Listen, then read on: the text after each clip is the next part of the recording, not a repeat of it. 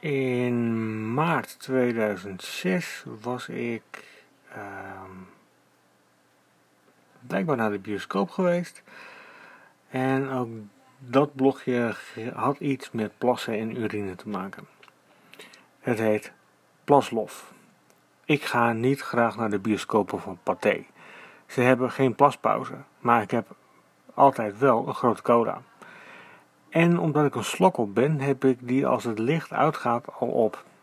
De ervaring leert dat mijn nieren gemiddeld een halve film nodig hebben om de bruikbare bestanddelen van cola, als die er al zijn, te scheiden van de onbruikbare.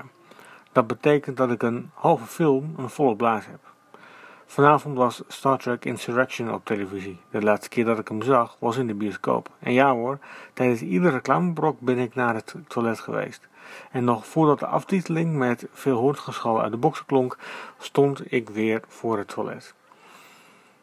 Ik heb hetzelfde met Broken Wings van Mr. Mister en Long Train Running van de Doobie Brothers. Vast niet omdat het zijkplaten zijn. Als ik Pavlovs buurjongen was geweest, had zijn hond tenminste op normale tijden kunnen eten.